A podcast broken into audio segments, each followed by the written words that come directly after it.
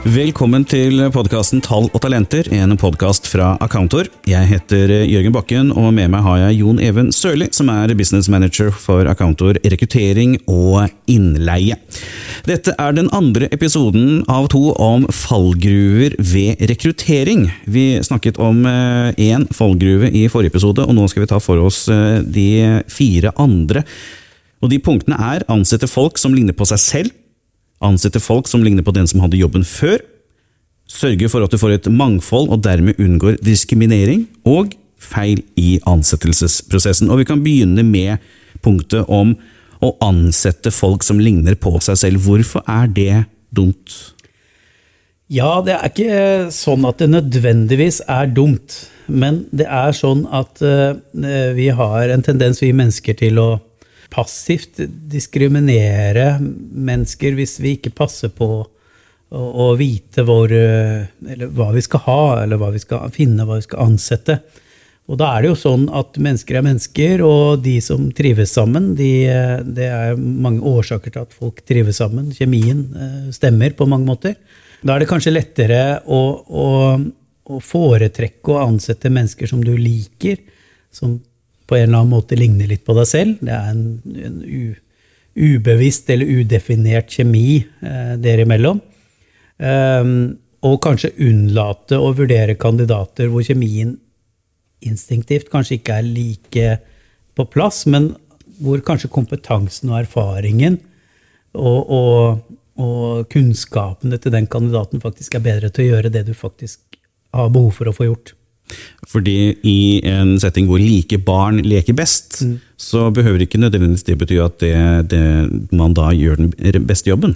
Nei, for igjen da, så må vi liksom tilbake til det vi snakket om i forrige episode, med, med å gjøre en grundig og, og, og, god jobbanalyse. Altså definere det, som, det du faktisk har behov for, det virksomheten din har behov for å få hjelp til. Har du gjort det, så, så er det også lettere for deg å, å å vurdere kandidater hele tiden opp mot den. Ehm, det er ikke sånn heller at eh, like barn eh, aldri jobber godt sammen eller skaper resultater sammen. Det kan definitivt eh, skje, det. Men igjen så, så er det viktig der med denne bevisstgjøringen, da, eller bevisstheten rundt hva er det du trenger, hvorfor trenger du akkurat det nå, og for framtiden, og, og hva er det virksomheten har behov for. For det kan fort være enklere å gå for den kandidaten du likte så godt, hvor kjemien var god, og praten gikk lett, og man lo, og man hadde, hadde det hyggelig. Eh, og så glemmer man kanskje litt å, å vurdere hvor, hvor, god er faktisk vedkommende til å gjøre det jeg vil at vedkommende skal gjøre. En annen fallgruve man uh, kan falle i, er jo å ansette folk som ligner på den som hadde jobben før. Men mm. uh, er ikke det en god idé, da, hvis du var fornøyd? Uh, jo da, det kan være en god idé, det. Um, igjen så vil jeg egentlig tilbake til dette her uh, som jeg har snakket om før, med, med å ha en, en, grundig jobbanalyse. Fordi når du skal ansette noen, så må du på en måte ha perspektivet hva er det vi trenger fra i dag og fremover. Og det bør ikke nødvendigvis være det samme som det du har hatt fram til i dag. Og det å ansette noen nye kan jo gjerne gi en anledning til å kanskje endre litt på innhold, arbeidsoppgaver, ansvarsområder. Eh, som igjen påvirker hva slags kandidat du, eh, du, ender opp med å ansette. Eller kan påvirke, i hvert fall. Så det er ikke nødvendigvis en dårlig idé å ansette folk som ligner på den som har hatt jobben før. Men, men igjen du Da bør man passe på da, å gjøre en, en revisjon av, av den funksjonen, av den rollen. Er det det vi trenger framover også? Eh, og, og, være trygg på at eh, vi faktisk leter etter riktige kandidater for det vi har behov for fremover. Kanskje ja. mitt viktigste poeng i den sammenhengen. Ja, fordi En bedrift kan ha uh, hatt en ansatt som har vært perfekt i den rollen fram til da, men hvis man begynner å se litt på fremtiden, vurderer hva, mm. hvor skal vi, så er det ikke sikkert at den personen hadde vært den rette for å ta bedriften videre.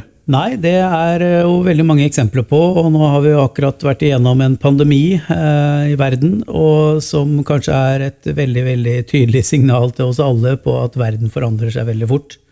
Eh, fra noe til noe helt annet. Eh, og, og, og, da er det kanskje andre egenskaper, andre typer erfaring, eh, andre typer eh, personlige egenskaper man trenger for framtiden i forhold til hva man har hatt fram til nå. Du var så vidt inne på det i begynnelsen her. Sørge for at du får et mangfold og dermed unngår diskriminering. Hva er viktig der? Altså, vi har jo, det fins jo et regelverk eh, som vi må forholde oss til. Eh, og så er det så liksom de tingene som har med lover og regler å gjøre, må man selvfølgelig eh, hensynta og sørge for at man overholder. Det er det ene. Og det andre er jo faktisk også det der med å altså Hvis man tenker litt som en, en fotballtrener, da, så, så, kan du ikke på en måte ha elleve spisser på et fotballag. Da blir det kanskje mye mål, men det blir også kanskje mange mål imot.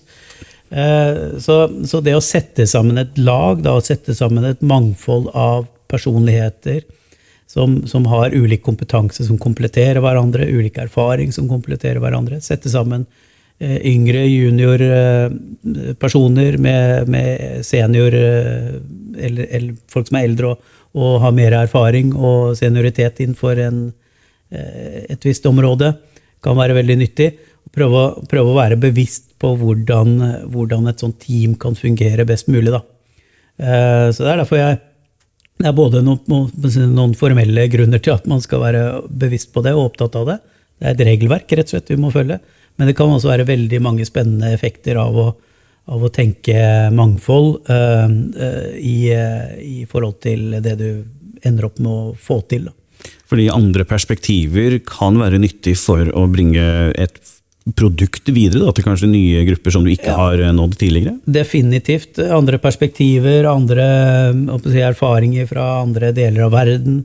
Eh, andre kulturer. Alt dette her kan være veldig veldig spennende krydder for å få noe mer ut av, av, av en viss funksjon eller en virksomhet eh, enn det som kanskje man hadde fått hvis man hadde hatt en veldig homogen gruppe mennesker. da. Eh, men igjen så er det liksom, som vi snakket om i episode én rundt dette temaet, denne jobbanalysen den, den, har på en måte veldig sterk føring på, på, på hva man ender opp med. Siste fallgruven man kan falle i, er at man gjør feil i ansettelsesprosessen. Mm. Eh, hva slags eh, feil er det man kan eh, gjøre der? Altså, det er jo sånn at vi for ja, nå er det vel snart et par år siden vi fikk et nytt regelverk knytta til personvern i Europa. GDPR-reglene. Og det er vel kanskje den vanligste eh, fallgruben sånn, sånn gjelder eh, sånn formalfeil. Da. Så er det ulike krav også i loven til hvordan offentlige aktører f.eks. skal eh, gjennomføre rekrutteringsprosesser. Med offentlige søkelister og mange sånne eh, forordninger knytta til offentlighetsloven. Men, men eh, men jeg tenker igjen at har du gjort en god og grundig og bevisst jobbanalyse, så, så, har du et veldig godt grunnlag for å kunne gjøre få feil i en gjennomføring av rekrutteringsprosess. Men så handler det også om, om de verktøyene man bruker underveis. Uh, F.eks. systemer for å ta imot søknader. Der er det jo kommet nye krav nå knytta til, til, GDPR. Få en søknad på en e-post Eh, er ikke i utgangspunktet ulovlig, men det stilles noen krav til hvordan den søknaden og de personopplysningene som kandidaten har oppgitt, lagres hos deg. Og hvis den f.eks. blir liggende i din innboks i, i, en tre-fire-fem år, så har du faktisk ikke forholdt deg til GDPR-regelverket. For den skal lagres uh, trygt og lukket. Det gjør den jo mange ganger i en e-postserver. Men kandidaten skal også ha muligheten til å selv bestemme når de opplysningene slettes, og skal ha innsyn i de opplysningene. Og, og ikke ha systemer på disse tingene gjør at det blir veldig veldig krevende å, å etterfølge GDPR-regelverket. Så vi anbefaler jo absolutt ikke å, å ta imot søknader på e-post i det hele tatt, men sørge for å skaffe seg et system for å håndtere søknadsprosesser. Som det finnes mange varianter av på markedet. Og med tanke på hvor dårlig de aller aller fleste er til å slette mail, så mm. er det jo kanskje det Der, der syndes det vel en del? Tror vi kan forutse at det, det syndes en god del på akkurat det området der, ja.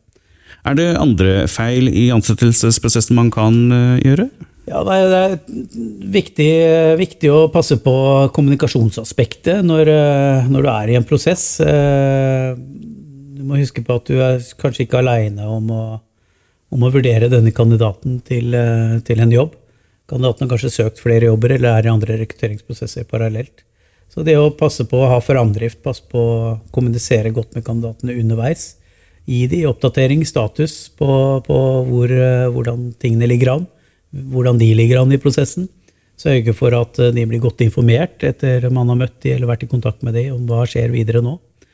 Og prøve å kanskje også ha, ha en, en, en, en, tidsakse som man prøver å forholde seg til.